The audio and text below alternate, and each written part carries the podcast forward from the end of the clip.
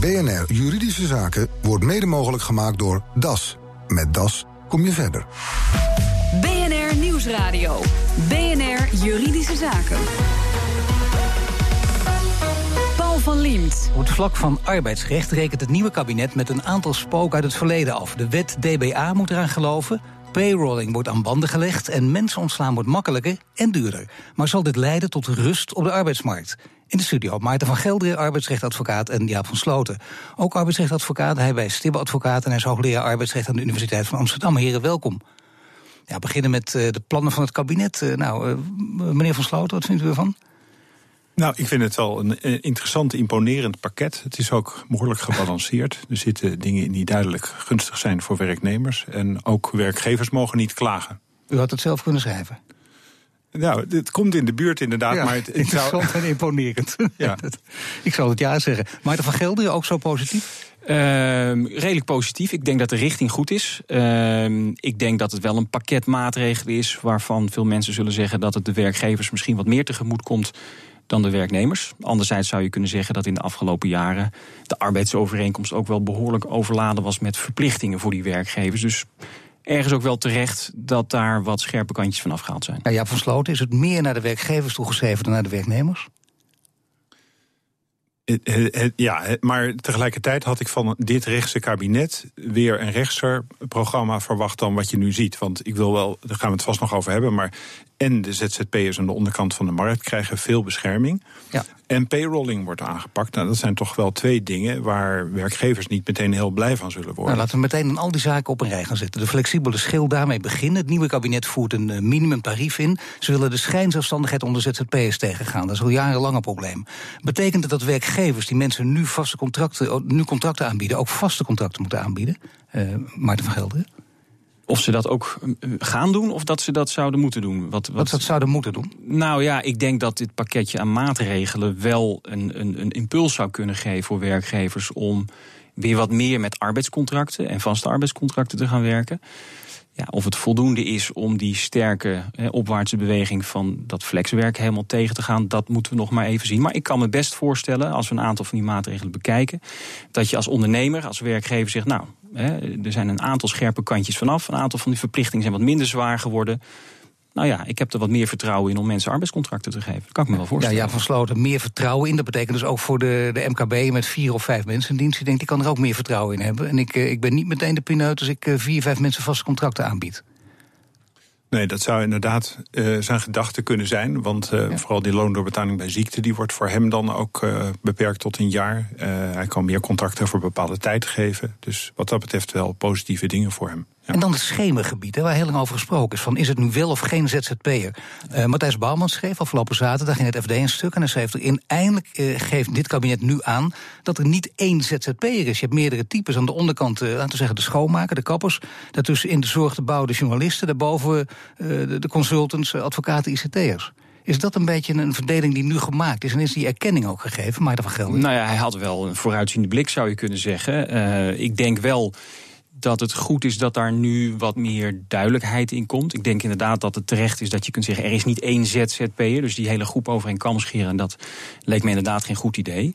Uh, dat er een stuk bescherming is aan de onderkant... vind ik op zich ook wel een goede zaak. En dat is natuurlijk juist om te voorkomen dat er een groep mensen ontstaat... die ja, min of meer in dat ZZP-schap gedwongen zijn... of gedwongen worden eigenlijk, of daarin geplaatst zijn... terwijl ze dat eigenlijk niet wilden. Terwijl je natuurlijk ook een hele grote groep hebt... die daar bewust voor gekozen hebben... En die zeggen, ja, ik, ik wil gewoon ondernemer zijn en geef me ook die ruimte. Dus de maatregelen die daar nu aangekondigd worden, kan ik voor een heel groot deel kan ik in meegaan. Het lastige blijkt wel, want je hebt eigenlijk nu kun je zeggen drie groepen. Een, onder, een ondergroep die beschermd wordt, een, een bovencategorie waarvan al vrij snel gezegd wordt: als je meer dan 75 euro per uur declareert, even kort gezegd, hè, dan heb je eigenlijk geen bescherming nodig. Maar die grote middengroep, ja, het is nog even de vraag hoe, hoe die maatregel gaat uitpakken. Hè, want dat draait dan allemaal om dat moeilijke criterium gezagsverhouding. Ben je nou wel of niet in dienst? Nou, ik ben benieuwd en dat of, of het kabinet daar helderheid kan, kan, ja, kan dat mag je wel hopen, want dat is nou precies een discussie waar iedereen heel moe van wordt die in de situatie zit. Uh, laten we eerst even kijken naar de inkomens, uh, want het is makkelijk uit het losse pols eventjes, uh, ja, van Sloten. Hoeveel bruto, waar, waar ligt ongeveer de grens voor een zelfstandig nou ja, aan de bovenkant moet je dus meer dan 150.000 euro bruto verdienen om de opt-out te kunnen gebruiken. Dus dan ben je in beginsel vrij gespeeld als zelfstandige. Ja, en dan dat geldt voor een kleine groep. En dan aan de onderkant? 30.000 zou het zijn als je 15 euro per uur aanhoudt. Misschien iets minder, 25.000, maar in die orde van grootte en dat betekent dus dat je boven de 30.000, vanaf die orde van grootte ongeveer, dat je, en nogmaals ongeveer moeten we wel benadrukken, dat je daarboven in ieder geval tot als zelfstandige wordt gezien. Nee, dat is dus precies wat Maarten ook zegt. Dan zit je in tussencategorie, dus tussen de 30 en de 150.000. Dat is het grijze gebied. En dan zul je dus weer aan de hand van die criteria met gezagsverhouding en zo moeten aantonen dat je een zelfstandige bent. En maar wacht even, nu wordt het uh, lastig. Want als de hoogleraar ook al zegt: nee, ho, ho, dat zijn geen ZZP'ers, maar die worden toch nog steeds dan zo genoemd. Die, diegenen die in de categorie 30 tot 150.000 zitten. Dat worden toch nog steeds ZZP'ers genoemd? De, de, dat kan misschien wel zo zijn, maar in het regeerakkoord wordt er een webmodule aangekondigd. Dat is ook een oud plan. Die gaan we allemaal invullen en die gaat dan een prachtige uitkomst geven. Nou, ik kan u al verzekeren dat dat onderdeel, dat wordt heel moeilijk om dat, uh, om dat succesvol te laten en wat betekent dat? Voor wie wordt dat heel moeilijk? Nou, met name voor de uitvoering. Ik denk dat het gewoon uiteindelijk. Dit, gaat, dit onderdeel gaat niet de zorg en de problemen weggaan die de wet DBA heeft veroorzaakt. Dit plan lag er eigenlijk al voordat de wet DBA kwam. En toen heeft iedereen gezegd: dit moeten we niet doen. Nou wordt het toch weer van stal gehaald. En dan wordt dan gezegd: ja, maar dan gaan we het, het begrip gezagsverhouding gaan we meer handen en voeten geven. Ik voorspel dat dat lastig gaat worden. Ja, maar de Van Gelderen deelt die voorspelling. Ja, dat denk ik uh, absoluut. Het enige wat je zou kunnen zeggen, wat er nu dan een voordeel is, is dat aan de, aan de onderkant en de bovenkant van de markt er meer helderheid is. Dus dat je die twee groepen. Uh, nou ja, dat je die vrij speelt. Dat je zegt, daar zijn de, problemen min of meer weg als het om deze discussie gaat. Maar voor die grote middengroep blijft het, uh, blijft het probleem wel bestaan. Er wordt dan nu gezegd, hè, als er een opdrachtgeversverklaring ligt, hè, dan ben je min of meer gevrijwaard. Maar ja, je krijgt die verklaring natuurlijk alleen als je een bepaalde manier vragen invult. Ja. Ja, dus je ontkomt en je kan het een mooie webmodule maken, maar je moet toch een aantal vragen over de situatie beantwoorden. En als de Belastingdienst achteraf constateert dat je toch die vraag niet goed beantwoord hebt, ja, dan oh, heb je natuurlijk hetzelfde probleem. Nee, ik hoor het al. Eh, het woord webmodule klinkt me ook niet lekker in, eh, in mijn hoofd. Eerder gezegd heb ik al drie keer gehoord. Dat wordt lastig. Ja, jouw versloten die, die keurige vinger opsteekt, mooi zeg. Goed hè? Ja. Nou, kijk, wat ik wel een positief puntje vind, is dat er nu duidelijk onderscheid wordt gemaakt tussen reguliere en niet-reguliere bedrijfsactiviteiten. Ja. En dat, dat zou misschien wel eens een richting kunnen geven. Dus wat betekent dat precies? Dat betekent dat als je dus uh, ja, als bedrijfsjurist een andere bedrijfsjurist vervangt, dus je bent een ZZP-bedrijfsjurist, dan zit je gewoon eigenlijk een reguliere activiteit te vervangen. Terwijl als je zeg maar echt bij een bedrijf komt waar ze nooit behoefte hebben aan een bepaald soort functie en jij komt dat een tijdje doen, nou, dan is het ook wat logischer dat je een ZZP'er bent, omdat je daarna wel weer naar een andere klus gaat. Maar in ieder geval, één vooruitgang, die staat als een paal boven water. Er is niet meer één, we kunnen niet meer spreken van de ZZP'er. En dat is nu juridisch, juridisch ook onderkend. Kun je dat zeggen, dat dat in ieder geval een vooruitgang is, Maarten van Gelderen? Nou ja, het is in die zin een vooruitgang inderdaad... dat als je bij de, de, de buitencategorie hoort, dus aan de onder- of aan de bovenkant dat je eh, vrij snel helderheid hebt over je positie en over je rechten en verplichtingen. Dus dat is zeker een vooruitgang. En dan de payroll-constructies. Het nieuwe kabinet wil het aan banden leggen. Wat denken jullie? Verdwijnt uiteindelijk het model daarmee? Is daar nu een eerste aanzet toegegeven op dit kabinet? Of is het geen sinds het geval? Ja, volgens mij is, is dit wel heel belangrijk. Eh, inderdaad, om het payrollen terug te dringen op de manier zoals het eigenlijk ook nooit bedoeld was. nu wordt het beperkt tot het ontzorgen van werkgevers die echt, ja, laten we zeggen, zelf niet de mogelijkheden hebben om zo'n payroll te draaien. En die misschien heel klein zijn, niet de deskundigheid hebben. Maar het, het hele gat wat uh, zo langzamerhand door dat payroll was ontstaan. En waarbij in feite ontslagbescherming werd uitgehold en arbeidsvoorwaarden werden verminderd. Ja, dat, dat valt weg, dat wordt gerepareerd. Eigenlijk doordat nu uh, payrollwerknemers uh, niet meer zo makkelijk kunnen worden ontslagen als uitzendkrachten. Dat is één. En twee is omdat ze dezelfde arbeidsvoorwaarden, maar dan dus ook pensioen en andere secundaire arbeidsvoorwaarden krijgen als de mensen in het bedrijf waar ze te werk gesteld zijn. Maar Maarten van Gelder, dat betekent dus uiteindelijk het einde van, uh, van de payrolling in zich nu of niet? Nou, voor een groot deel mogelijk wel. Hè. Het is natuurlijk, uh, ja, je kan het oneigenlijk gebruik noemen. Het is inderdaad, zoals Jaap al zei, voor heel veel werkgevers een soort vluchtroute geworden om onder dat werkgeverschap uit te komen en onder die verplichtingen. Uh, ja, dat wordt nu uh, aan banden gelegd. Dus het gaat alleen nog om ja, ondernemers die het prettig vinden dat die administratieve rompslomp bij een andere partij ligt. Maar, maar juridisch gezien denk ik dat ja, voor een hele belangrijk onderdeel. De... Nou, er zijn een aantal maatregelen genomen. Uh, sommige gebruiken zoals het grote woord hervormingen. Uiteindelijk zal het ook een flinke inspanning vergen van de Belastingdienst lijkt Met Toezicht en handhaving is dat mogelijk in dit nieuwe model, ja van Sloten? Of heb je daar een flinke uitbreiding van de Belastingdienst voor nodig? Ja, dat uh, lijkt me zonder meer. Ja, ze denken nu dat met een webmodule op te lossen. Maar kijk, Ja, of maar ze op- moeten gewoon nee. heel erg streng worden. En, en eigenlijk gewoon steeds het antwoord... nee, u bent geen ZZP'er eh uit die webmodule laten komen. Hè? Eh, Dus heel weinig opdrachtgeversverklaringen. Maar ja, dan, dan, dan weet ik wel nog wat eh, Kamerleden die vragen gaan stellen. Dat hou je in de, de geest is te lang uit de fles, naar mijn gevoel. Ja, of de andere kant op, hè, zoals we dat in de VAR hadden. Ja. Altijd maar verklaringen afgeven. Zometeen wordt het voor werkgevers aantrekkelijker om mensen weer een vast contract te bieden. BNR Nieuwsradio. BNR Juridische Zaken. We hebben het over de arbeidsrechtplannen van het nieuwe kabinet. Slaagt het erin om de rust op de arbeidsmarkt te herstellen? Bij mij in de studio Maarten van Gelderen, advocaat arbeidsrecht... en Jaap van Sloten, advocaat en hoogleraar arbeidsrecht. En eh, we gaan natuurlijk over eh, heel veel vormen nog eh, nadenken... maar eentje die willen we ook bespreken, namelijk... de zogenaamde nieuwe vorm van werkgeverschap. Uitgeoefend door Uber, door Deliveroo. Hoe zit het daarmee? Echt aan de onderkant dus. Jaap van Sloten. Nou, de- volgens mij twee dingen daarover. In de eerste plaats heb je inderdaad daar eh, de ZZP-courier bijvoorbeeld. Nou, die gaat, Ja. als deze plannen doorgaan, eh, gaat die eh, werknemer worden. Dat is denk ik de doodsteek voor die sector. En ik vraag me af of dat verstandig is. Want dat zijn voor een groot gedeelte jongeren tot 18, 22. Die zitten helemaal niet te wachten op een pensioen en op vakantiedagen. Die willen gewoon Nee. zoveel mogelijk cash. Ja. Nou, eh, daarnaast heb je dan nog de, de- in meer bredere zin de mensen die via een platform werken. Dat kan dus ook de Uber-chauffeur zijn, die tot 50.000 euro per jaar verdient. Ja, daarvan vraag ik me af of je die nou, eh, laten we zeggen, plotseling eh, werknemer moet maken. Want dat is hij eigenlijk helemaal niet. En die platforms die roepen dus allemaal vragen op over waar is die nou eigenlijk in dienst? Is dat wel bij Uber of bij de klant of bij het restaurant? Dat, bij, als je het over een courier hebt. En dat is heel ingewikkeld. Daar zou eigenlijk gewoon meer nog over moeten worden nagedacht. Ja, hoe zou je dat eh, kunnen vergemakkelijken, eh Maarten van Gelderen? Want ik bedoel, dat onzekerheidsbombardement... dat is het laatste waar mensen van houden. Dat weten we van alle breindeskundigen. Ja, het lastige is denk ik dat er niet één hele snelle quick fix is. Hè, dat een hele makkelijke oplossing is. Het Het zou wel kabinet- mooi zijn ook, dat het hele kabinet er niet uitkomt... en Maarten van Gelder hier nu in de studio wel. Dat, lijkt, Ja, had ik, dat dat kan ik ook niet Dat vragen. zou Maar, natuurlijk fantastisch zijn. Maar, maar, maar toch helaas- blijft die onzekerheid dus bestaan. Voor, het is een behoorlijke groep mensen en een, een nieuwe sector ook. Ja, en als we het, met name als je het dus hebt over wat ik dan maar inderdaad die, die platformarbeid noem, die, die nieuwe eh, online platformen die opkomen, daar is denk ik door de wetgever nog niet heel goed over nagedacht hoe je dat nou moet zien. Is dat nou, hè, zijn dat nou arbeidscontracten? Zijn dat Ja. ZZP'ers? Is dat iets ertussenin? En dan zie je natuurlijk altijd, dat is met wetgeving natuurlijk altijd het punt, het loopt altijd op de ontwikkelingen hè, achter. Dus eh, er moet eerst ja, eh, van alles soms misgaan voordat de wetgever zegt, hé, hey, hier moeten we ingrijpen. En dan is dit ook nog een broos-kabinet. En er zijn ook wel eh, allerlei politieke logo die zeggen... nou, dat had het eh, twee jaar, dat gaat niet eens lukken... want dan krijg je straks nog provinciale statenverkiezingen. Dus moet je, dat kan, alles kan weer op de schop natuurlijk tegen die Dat tijd. riepen ze bij het vorige kabinet natuurlijk ook wel. hè. Dat is waar. Ja. Vaste krachten dan. Het nieuwe kabinet neemt een aantal eh, opvallende maatregelen. Loondoorbetaling bij ziekte wordt beperkt tot één jaar. Het wordt gemakkelijker om mensen te ontslaan. Eh, de belangrijkste werkgeversbezwaren om iemand in dienst te nemen... zijn die hiermee weggenomen, Maarten van Gelder?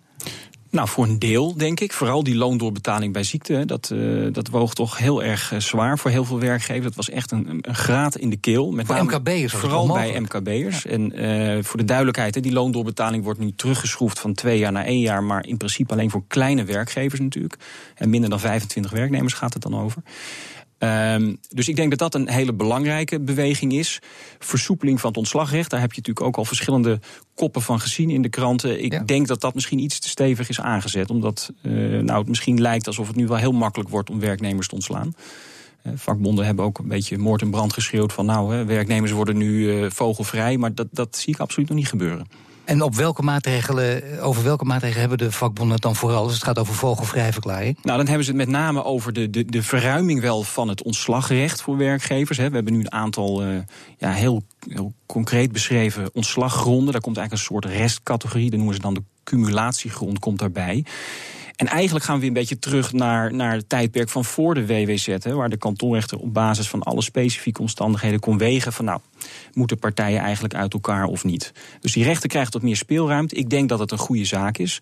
Maar ik denk ook niet dat vakbonden bang moeten zijn dat rechters nu te snel tot ontslag zullen Nee, overgaan. maar Je kijk eens nog- naar tijdelijke krachten. Voortaan vanaf één dag recht op een transitievergoeding. Dat staat er ook allemaal in. Precies. Dan zou je zeggen, het einde van korte tijdelijke contracten... is het daarmee juist in zicht. Nou, Nee? nee? Dat, nee, dat denk ik niet. Eh, want je kunt natuurlijk zeggen, de ketenregeling is weer verruimd. En je kunt van twee jaar kun je nu drie jaar met tijdelijke contracten werken. Er zijn dus wel een aantal maatregelen genomen die het wat makkelijker maken, die het wat meer stimuleren voor Maar dit is in ieder geval voor de werknemer weer positief. Uh, als het gaat om, uh, als je ja, zegt, uh, ja, de transitievergoeding ja, vanaf dag één. Ik denk dat dat een goede zaak is. Je maakt dan ook geen onderscheid meer hè, tussen flexkrachten en vaste krachten. Gelijk al vanaf dag één transitievergoeding opbouwen. Tegelijkertijd is die transitievergoeding natuurlijk wel heel erg beperkt voor mensen met, met, met een jaarcontract of mensen. Zeker. En dan heb je nog mensen bij vaste contracten die een, een proeftijd krijgen. Die kan oplopen tot vijf maanden. En daar was flink wat discussie over, ja, van Sloten. Want ja. niet twee maanden, maar vijf maanden. Nou ja, en daar goed. kun je natuurlijk calculeren mee omgaan als werkgever. Ja, dat is in feite dan een bepaalde tijdcontract erbij. Of een periode waarin de werknemer vogelvrij is. Hè? Want zo, zo zit het gewoon. Want dan kun je op allerlei redenen, hele simpele redenen, kun je gewoon reden, ontslagen worden. Zonder reden zelfs ontslagen worden, ja. Zonder reden. Je hoeft niet eens te zeggen van je past niet in het team. Nee, precies. Nee. Nou ja, goed, kijk, als dat helpt om inderdaad ervoor te zorgen... dat mensen dan meer bepaalde of onbepaalde tijdcontracten krijgen... dan denk ik dat dat goed is. Maar ik, ik vraag me af of het zover gaat komen. Maar mag ik even kijken, zoals het er nu voor staat... kun je hier dan oneindig mee doorgaan? Dus kun je zeggen, nou, na vijf maanden, dag, uh, fijn dat je er was... en dan neem je weer een nieuwe, ook voor vijf maanden... en, en dan vervolgens zo doorgaan? Ja, dat zou kunnen. Nou, als je weer een ander neemt, dan, dan, gaat dat. Ja, moet wel een andere werk nemen. Maar ja, ja bedoel, wel, ja, ja, dat kan. Maar je, dan, dat kun je ook doen inderdaad door een bepaalde tijdcontract. Maar u zegt er meteen achter ook, ik denk niet dat dit doorgaat. Waar is dat op gebaseerd? Nee, ik denk niet dat dit ertoe gaat leiden dat uiteindelijk werkgevers plotseling veel meer arbeidscontracten voor onbepaalde tijd aangaan. Volgens mij zit het toch tussen de oren dat het ontslagrecht lastig is. En nou komt deze cumulatiegrond erbij. Dus op zich denk ik een goede zaak. Maar je moet nog steeds uh, een dossier hebben. Je moet een advocaat hebben. Je hebt allemaal gedoe. En voordat je uh, uiteindelijk die werknemer bij de uitgang hebt... Uh, ben je maanden verder met ruzie maken. En ja, zal het wel meevallen, Maarten van Gelder? Of heb je nu toch kans om calculerend te zijn... en toch meer ruzie te maken omdat het uiteindelijk veel oplevert als werkgever? Nee, wat ik wel denk wat er gaat gebeuren in de praktijk... is dat, want er wordt natuurlijk heel veel onderhandeld. Hè, heel veel ontslagzaken die gaan, zoals dat heet... met het wederzijds goed vinden. Dus die komen helemaal niet bij de kantonrechter uit. Dat is eigenlijk maar een topje van de ijsberg, zou je kunnen zeggen. En ik denk wel dat in de onderhandelingen werkgevers nu wat eerder kunnen zeggen van oké, misschien heb ik dat dossier niet helemaal 100% op orde, maar we hebben toch een aantal dingen vastliggen. Uh, beste werknemer, misschien moet je genoegen nemen met een wat minder hoge vergoeding, want als ik dit bij de kantonrechter neerleg, dan zou ik best op basis van die cumulatiegrond tot een beëindiging van het contract kunnen komen. Dus ik denk dat het in de praktijk wel een uh, ja, impact gaat hebben op de onderhandelingspositie van werknemers in een aantal gevallen. Nou het gaat dus wel die impact wel dus, ja, van. Ja, dat ben ik met Maarten eens. Het gaat wel die impact hebben, alleen eh, of het uit kleinere werkgevers ertoe gaat brengen om met onbepaalde tijdcontracten meteen te gaan werken. Nou, misschien die proeftijd. Maar per saldo zit dat bepaalde tijdcontract wel erg tussen de oren. En... Alleen alle onzekerheid is ook niet weggenomen. Dat zou ook een wonder zijn geweest. Uh, dan nog zijn jullie redelijk positief gestemd, als ik het even zo mag samenvatten. Maar is er nog iets waarvan jullie denken, nou, nou, nou, waarom hebben ze mij niet geconsulteerd? Dan had ik dit nog toegevoegd. Ja, van Sloten. Nou, ik had in ieder geval die, die platformarbeid, daar had ik wel eh, meer uh, over geregeld willen zien. Maar dat is natuurlijk inderdaad een, een nieuw onderwerp. Dus dat, dat komt nog een. een en Maarten van Gelder ook nog een punt gemist? Nou, wat mij betreft had die rechter, uh, dat is nu bij die cumulatiegrond uh, vastgesteld. Dus die nieuwe ontslaggrond, dan mag de rechter tot maximaal 50% meer geven dan zeg maar de normale ontslagvergoeding, de normale transitievergoeding. Wat mij betreft had de rechter daar ook nog wel wat meer vrijheid mogen hebben. Dus dat hij naar de individuele zaak had kunnen kijken en zeggen, nou in deze situatie een wat hogere vergoeding en hier misschien een wat lagere vergoeding. Dus die, die ruimte nou, had de rechter wel gegund. Ja. Nee, helaas niet meer, we zijn er doorheen. Heren, hartelijk dank. Maarten van Gelder, advocaat arbeidsrecht en Jaap van Sloten, advocaat en hoogleraar arbeidsrecht. BNR Nieuwsradio. BNR Juridische Zaken. Iedereen weet het, in het buitenland moet je extra betalen als je geld wil pinnen. Maar soms zijn die pinkosten wel heel erg hoog, merkte Mick Peters Bos. Het verslag is van Daan Mercedes. Mick Peters Bos, jij was lekker op vakantie naar Londen. Daar heeft de mensen geld voor nodig. Dus jij uh, pinde 350 Britse ponden. Maar dat leverde je uiteindelijk een rekening op van 490 euro. Hoe is dat zo gekomen? Ja, je hebt zo'n heel leuk dingetje als je een buitenlandse pinautomaat uh, gaat pinnen. Dan moet je ergens mee akkoord gaan. Alleen het stond uh, helaas, heb ik verschil gekeken. Ik wil snel, snel pinnen wat er een rij mij staat. En dan ga ik akkoord met die voorwaarden. Die voorwaarden waren 90 euro aan transactiekosten. De bank waar je dit gepind had was uh, Moneycorp. Heb je hen yes. nog geprobeerd te bellen en geld terug te krijgen? Ja, ik heb via Facebook een bericht gestuurd. Proberen contact te zoeken. Dan zeiden hun van, nou god, stuur dezelfde vraag nog even via de mail. Nou, dat heb ik gedaan. En een paar dagen later kreeg ik de reactie van... ja, helaas, je bent akkoord gegaan met de voorwaarden... dus we kunnen niks voor jou betekenen. Ja, dat is natuurlijk het probleem. Hè? Je hebt akkoord gegeven op die 90 euro transactiekosten. Ja. Wat zou je nu willen weten? Ja, ik ben benieuwd of dat überhaupt wel mag, zoveel euro aan transactiekosten. Ik vind het nog een bizar hoog bedrag eigenlijk... dat je bijna 22% aan uh, transactiekosten mag vragen. Paul Beemsterboer. Mick Peters Bos betaalde bijna 22% transactiekosten toen hij in Londen geld uit de muur trok. Mag dat zomaar? Ja, want het is natuurlijk een schandalig verhaal. Of dat zomaar mag, dat hangt er vanaf.